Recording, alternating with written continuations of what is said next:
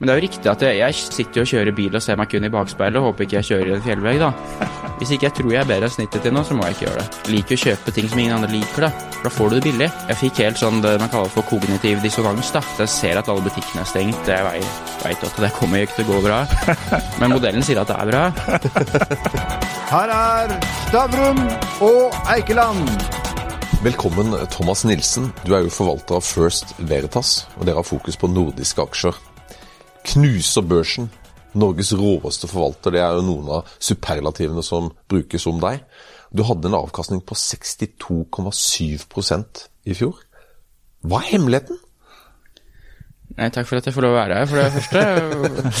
For det andre, så, som jeg pleier å si, så over så kort tidsperiode så må man jo også ta inn over seg at det er mye tilfeldigheter som spiller inn. Sannsynligvis er det mye flaks som ligger bak det som har skjedd, selv om jeg tror at måten vi eller jeg jobber på er riktig for å få gode, langsiktige resultater. Så selvfølgelig så har det vært mange ting som har gått vår vei siden men, oppstarten. Men jeg sier at altså, flaks altså, Nå syns jeg du er veldig beskjeden. Altså, det er jo absolutt ikke flaks, dette her. Du har vært med i aksjemarkedet lenge.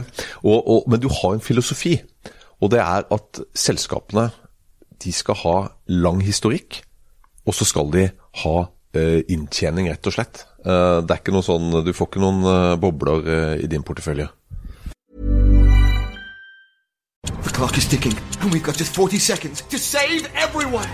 With a big 40 euro reward with every SuperValue car insurance policy. That's on top of great value cover for the car insurance you need anyway. All it takes is one big click or call. Just visit supervalue.ie slash insurance or call 0818 010101 and our SuperValue team will save the day. Let's buckle up and do this, people.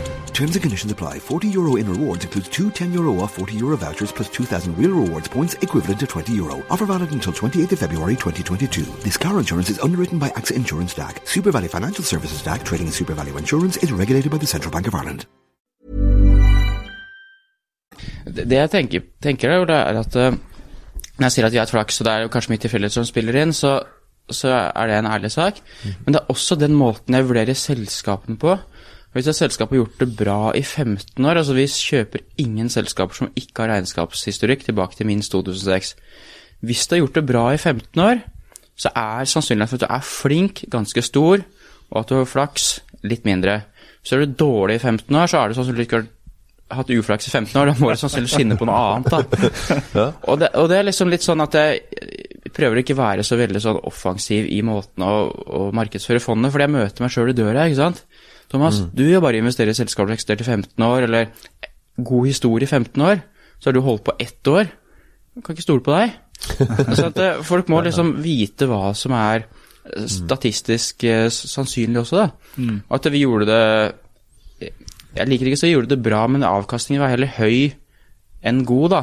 Mm. Fordi jeg veit ikke hva risikoen er. Vi kunne gått og satt alle pengene på rødt på en rulett, og så kunne du fått 100% avkastning.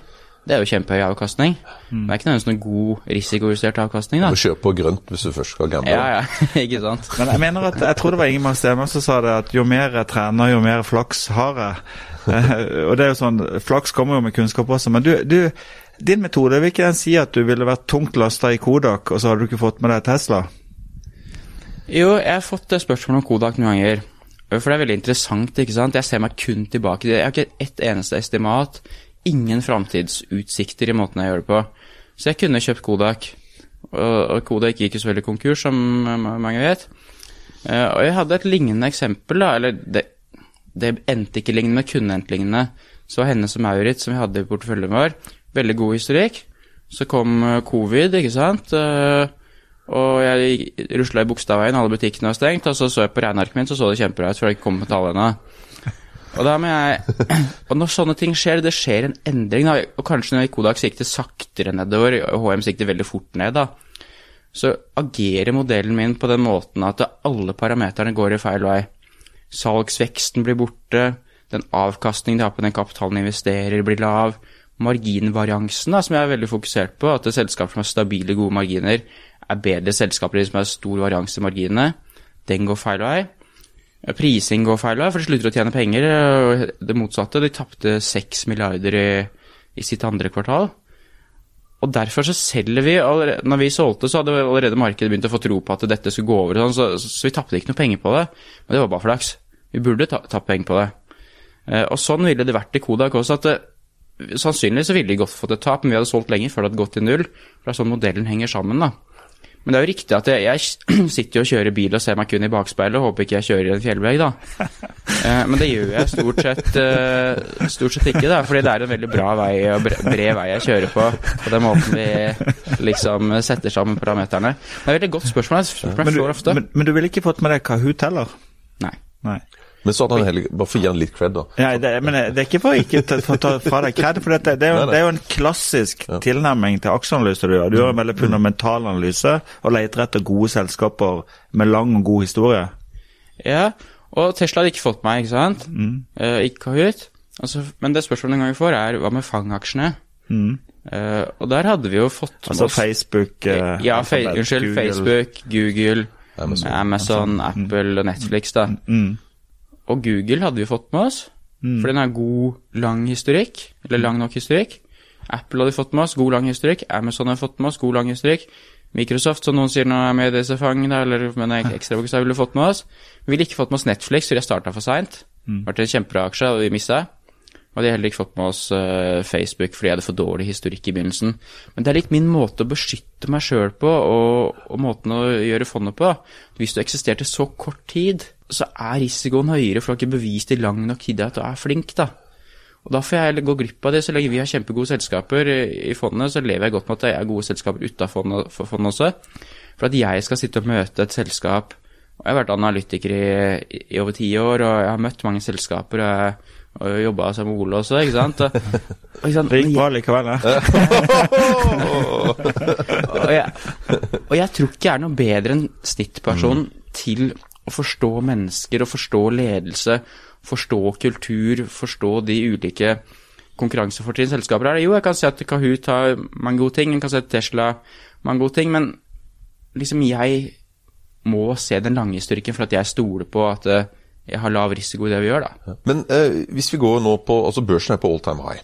Eh, de fleste, eller veldig mange av de vestlige børsene er jo det. Eh, og, og hvis du ser tilbake til finanskrisa, når, når vi, vi, vi jobba i Pareto, så, så er det stor forskjell på å ha gått inn i markedet mai 2008 og mars 2009. Altså hvis du tenker på den årlige avkastninga siden da. absolutt. Eh, Hva Altså, er, er det Altså, hvis du nå hadde hatt sparepengene dine i banken, hadde du gått og plassert de på verdens børser nå, eller hadde du venta litt til at, at det faller her? For det første må jeg si har ikke peiling. Børsen, børs, børsen kan gå opp, eller så kan den gå ned, eller så kan den være flat, eller så kan den gå opp og så ned. Nei da. Jeg er glad i det, altså. Ja. Så, så jeg aner ingenting om fremtiden, men jeg veit jo det at de selskapene som vi har i fondet, og mange andre selskaper også, gjør det veldig godt. Så Avkastningen av det du får i aksjemarkedet og i enkeltaksjer, er jo drevet av det er tre ting. Det er hvor mye tjener selskapene, altså veksten i det de tjener. Hvordan priser du den inntjeningen de har, og så får du litt utbytte i tillegg. Så det er jo ofte det med prising som driver de kortsiktige bevegelsene, ikke sant? At når, når børsen er i godt humør, så skal du få høy prising, og dårlig humør, så får du dårlig prising. Men så lenge det underliggende tjener mer og mer penger hvert år, så er jo det et veldig, veldig godt utgangspunkt, da. Og det betyr ikke det at eh, ikke ting kan bli for høyt pris. Du kan kjøpe verdens beste selskap, det blir en dårlig investering hvis du betaler for mye, da.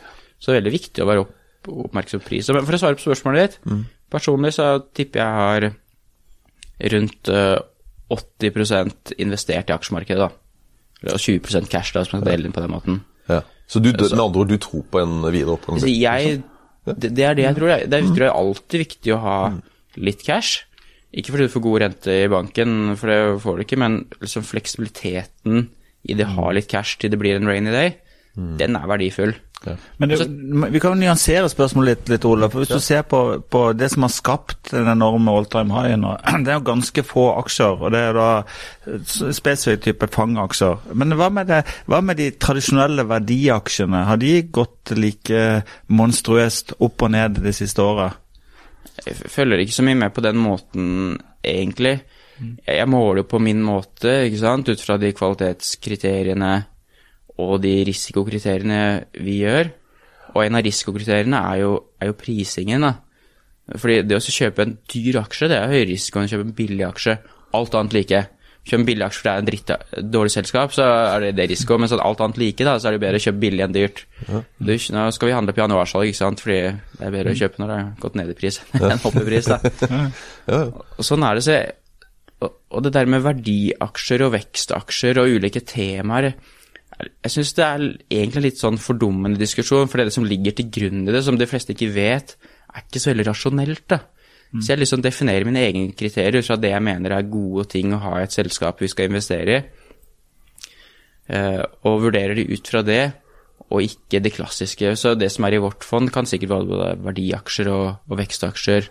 Ok, men, Warren Buffett var det vel som sa at aksjer er en av de få tingene som ingen vil ha når Eller alle vil ha når de er dyre, og ingen vil ha når de er billige. Ja, det er helt riktig. og han sier også at han vil ikke kjøpe ting han ikke forstår. Altså, Jeg syns jo du på en måte har en investeringsfilosofi som ligner litt på Warren Buffetts. Ja, den ligner jo i den måten at jeg liker å kjøpe når ingen andre Altså, jeg liker å kjøpe ting som ingen andre liker, da. For da får du det billig. Folk blir syka ut. Jeg tror den største kanskje forskjellen på Veritas og mange andre fond er at eh, jeg lar meg syke like mye ut, men jeg har en modell som styrer meg. Så når en aksje faller, så kan jeg tenke å herregud, dette kommer til å gå helt galt. Men så når jeg måler kvaliteten, da, helt faktabasert, objektivt, og modellen min sier at det her er god kvalitet, og nå er det også god pris, så kjøper jeg jo. Og det skiller seg litt ut. Så jeg liker også, sånn som Buffett, da, kjøpe når det er billig og upopulært. Men eh, det Buffett sier at jeg liker bare å kjøpe ting jeg skjønner, så er jeg egentlig helt motsatt. Jeg, da, da kunne jeg fått et ganske snevert univers. så, jeg, så jeg tenker det at det er viktigere at selskapene skjønner hva de gjør, enn at jeg skjønner hva de gjør. Hvis de har levert gode tall i 15 år, ordentlig god kvalitet i 15 år, så da vet jeg at de skjønner hva de gjør. Et av selskapene i fondet er et godt eksempel, men er Novo Nordisk som lager insulin. er Verdensledende, tror jeg, på insulin. Men jeg har jo ikke filla peiling på insulin, jeg. Kan sette meg fast med ett spørsmål. Men jeg likevel har stor posisjon i fondet. Fordi de veit hva de holder på med. Og De tar gode valg, og de klarer å tilpasse en endret verden. Og det gjør de andre selskapene i fondet også. Vi liker jo i fondet at det blir endringer og uforutsigbarhet. Fordi gode selskaper håndterer det bedre enn dårlige selskaper. Både fordi de er gode og sterke i balanse, men de er gode forretningsmodeller også. Men det som ofte killer folk som uh, investerer på modeller, det er at de uh, ikke klarer å la være å la hodet overstyre uh, modellen. For Ta HM-eksempelet til henne som er i stad. Når du gikk i Bogstadveien og så at butikkene var stengt, hva var det som utløste at du til slutt solgte? Var det modellen din, eller var det at du overstyrte modellen din? Det var et veldig godt spørsmål, Gunnar. Fordi det, for det var faktisk det første gangen jeg jeg fikk helt sånn det man kaller for kognitiv dissonans. da. At jeg fikk sånn der mot- motstridende informasjon. Jeg ble stressa, liksom. Hva gjør jeg nå? Og så ble jeg liksom litt redda av gangen, fordi mens jeg grubla på hva jeg skal gjøre nå Altså, jeg ser at alle butikkene er stengt. Jeg veit jo at det kommer jo ikke til å gå bra. Men modellen sier at det er bra. Og mens jeg ikke har grubla på det, så kom de med en profit-ordning, da. Der de sa at salget var ned jeg tror det er 52 eller noe sånt. Eh, Og da kunne jeg regne ganske godt fram til eh, at de kom til å tape sjukt mye penger. Og det er såpass mye at utfallsrommet, uansett hvor i det utfallsrommet det kom, så kom den til å gå ut av fondet, da. Og da solgte jeg den da, fordi jeg så at selv om i best case så ville det med god margin gått ut. Så da solgte jeg, selv om de faktisk reelt sett ikke har kommet med resultatet. Det var et unntak. Det er et veldig godt spørsmål, ikke sant. For noen ganger så får jeg sånn derre Thomas, du kan ikke være så tjukk, du må liksom lukke opp øya dine og se verden, da. Og da blir jeg stressa, ikke sant. Og så må jeg tenke, hva gjør jeg nå, hva, hva er riktig å gjøre nå? Modellen sier det, men liksom sannsynlig sånn og sånn. Så lærer man litt noen ganger, da, ikke sant. Og At ja, det ble heldigvis ble det en billig lærepenge, da. Ja. Eh, og så kanskje vi justert litt på de parameterne etterpå. At det, HM hadde jo en større marginvarians fra før også, selv om finanskrisen takla de ok, så er det så større svingninger. da, så Kanskje jeg skulle sette mer pris på mindre svingninger enn det jeg gjorde. Så jeg prøver alltid sånne, sånne hendelser kommer, å lære av det da, og prøve å få noe bedre Men når du er i butikken og handler kolonialvarer og matvarer og sånt eh, Hvis ikke det står på handlelista di, da, klarer du ikke å kjøpe det? eller? Jeg er Er veldig så sånn her, jeg er vanskelig på det der. altså Jeg er veldig sta, da. Ja. På godt og vondt, og sikkert mest på vondt, men eh, Men ESG, Akkurat. Det har du også gått glipp av. Hva er det? Eh, ESG, ja, unnskyld, nå ble jo jeg litt sånn vanskelig. Det skal vi ikke være. Det er jo bærekraft, øh, de bærekraftige vekstaksjene som har vært. Ja. Um, og det jeg lurer på det er det er jo at eh, jeg så at du var på Twitter og lurte på, uh, og da uh, så du etter prøver å lære litt om markedet for online kasinosport i USA. Eh, Og så så jeg at du hadde Betson i porteføljen din. Ja. Uh, ESG gir du blanke F i. Du skal tjene penger. Ja, Vi har ikke bare Betson, vi har jo Kindred, da, som annet er Unibet, og vi har også Evolution Gaming. Ja, hallo. Evolution Evolution er jo eh, Ja. nest største posisjonen. Så jeg tenker hvis du driver Altså ESG har mange aspekter, ikke sant, men hvis du, hvis du driver dårlig ESG i forhold til at du driver med barnearbeid eller korrupsjon eller andre ting, så vil jo det dukke opp i tallene dine, føler jeg. Sånn, for da driver du med høy risiko, og, kan godt hende du har klart å lure noen i 15 år, men sannsynligvis ikke. Det har du gått på noe smell innimellom, og det vil slå ut i modellen. du en, hvis du er flink til å, å holde på med noe, så vil det vise også i, i kvaliteten. da. Og hvis du har drevet god ESG, eller hva, hva, hva selskapet driver med, er liksom ikke så viktig for meg, så lenge de driver godt. da. Og det er ikke min jobb å skulle over, eller bare overprøve selskapene at de er en, driver med bra ting, og de driver med dårlige ting. Jeg forholder meg til det er lov til å investere og ikke lov til å investere. Og så tenker jeg hvis noen driver med dårlige ting, da, og, som det blir mindre etterspørsel og sånn etter, så, så vil jeg synes i tallene, da. Og så kan ikke vi kjøpe selskaper som Eller jeg kjøper ikke selskaper som er såpass nye. Og det kan godt hende noen av de selskapene kommer på børs nå, som ble starta nylig opp og sånn, kommer til å bli kjempebra. Noen kanskje blir dårlige. Eh, jeg vet ikke. Jeg tror de selskapene som vi har i fondet også, er flinke på, på ESG hver for seg, på sine måter. Som AF-gruppen, med avfallshåndtering ikke sant? og gjenbruk og andre ting, så ligger de langt over de kravene de har.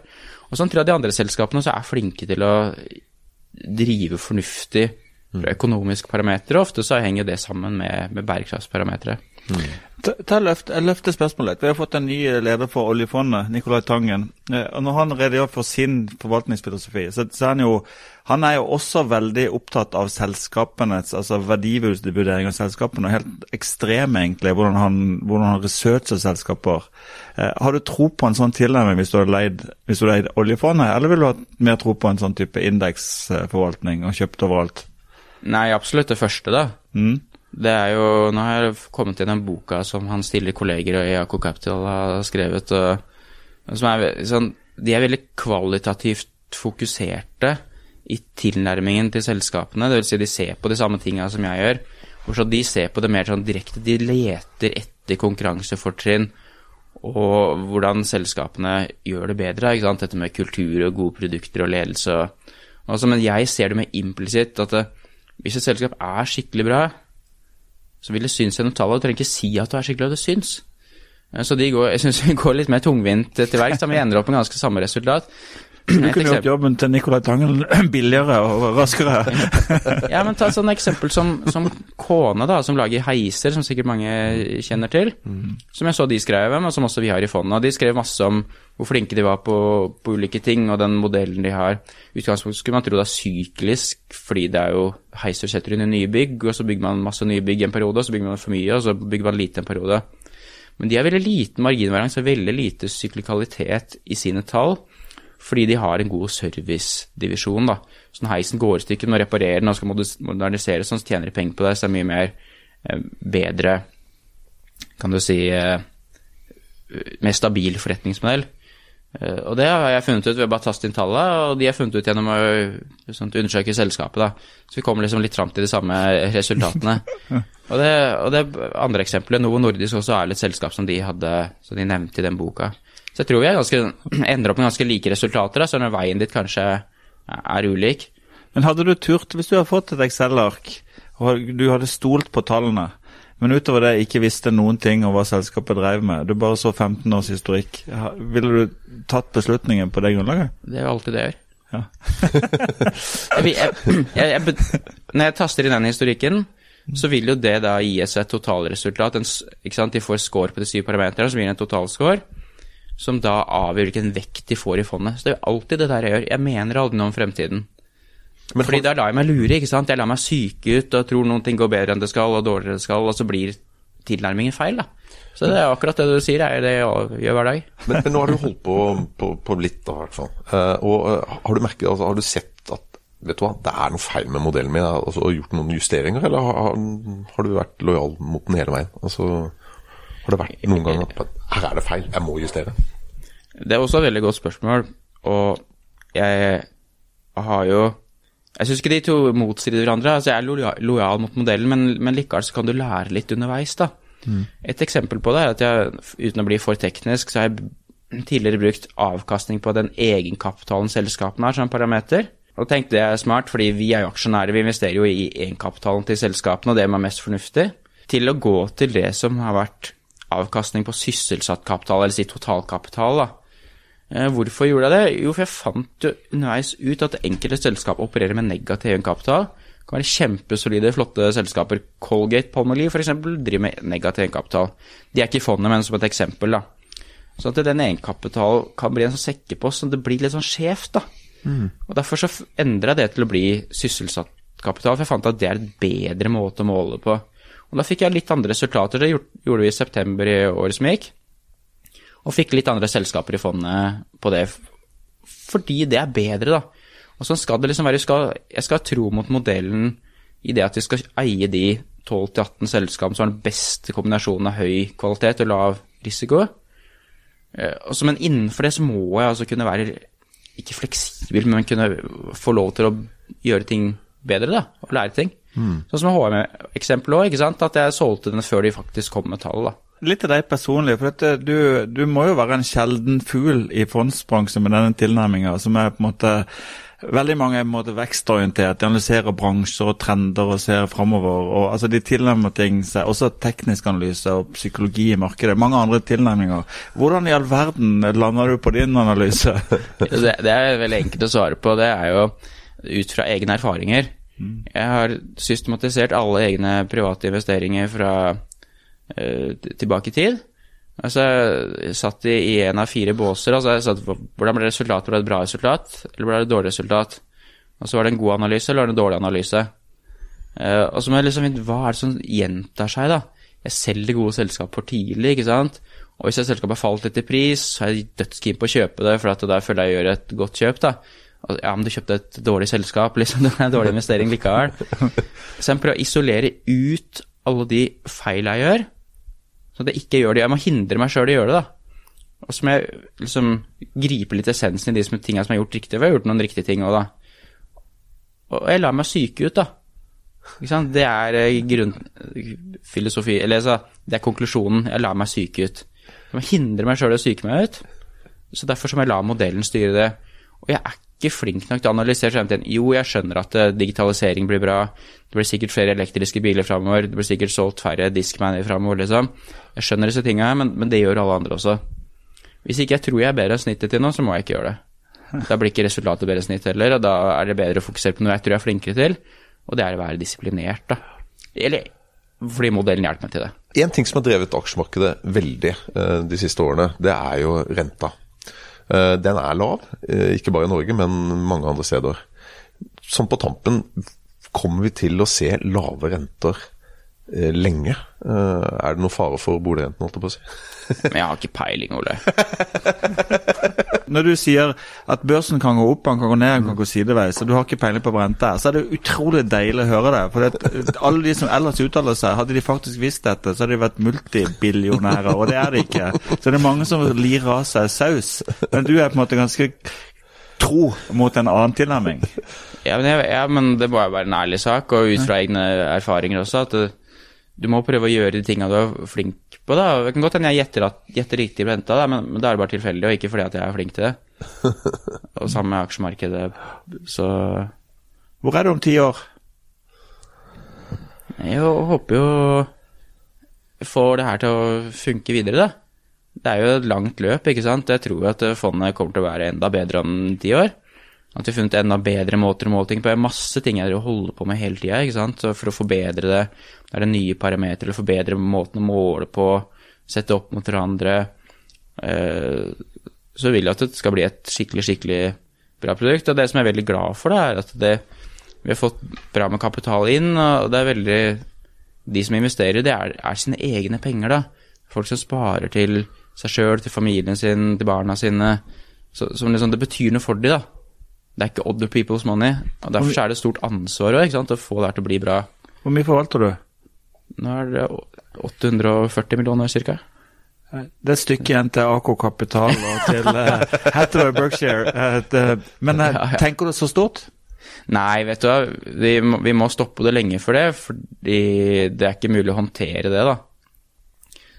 Så store mengder kapital, i og med at jeg har den disiplinerte filosofien med at det selskapet skal være 5,16 av fondet, og hvis det går masse opp eller ned og sånn, så må jeg handle for å få det tilbake igjen, og hvis vi blir for store, så får vi ikke til å gjøre de rebalanseringene som er viktige for meg. Eh, Og hvis ikke jeg får til det, så vil det gå ut av avkastningen, og det, det vil være på en måte grådig da, av oss å skulle bare ha mest mulig kapital og så gi dårligere avkastning. Så når jeg kjenner at det her, det her går ikke lenger, så må vi, må vi stenge fondet, da. Du er mannen som gjør folk rike i det stille. Jeg vet ikke, vi skal nå prøve å ha gode, gode resultater i lang tid, da, så om det blir eh, ikke det, må ikke være stille bare for å være stille, men resultatene over tid vil jo telle. Men så, men så langt, som sagt, så er det så, så har vi hatt markedet med oss, da.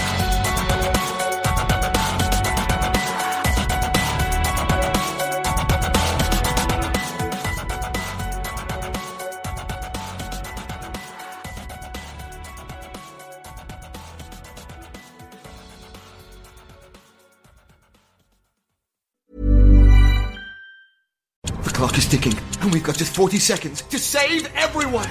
With a big 40 euro reward with every Super Value car insurance policy. That's on top of great value cover for the car insurance you need anyway. All it takes is one big click or call. Just visit supervalue.ie slash insurance or call 0818 and our Super Value team will save the day.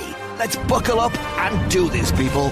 Terms and conditions apply. 40 euro in rewards includes two 10 euro off 40 euro vouchers plus 2,000 real rewards points equivalent to 20 euro. Offer valid until 28th of February 2022. This car insurance is underwritten by AXA Insurance DAC. Super Value Financial Services DAC trading in Super Value Insurance is regulated by the Central Bank of Ireland.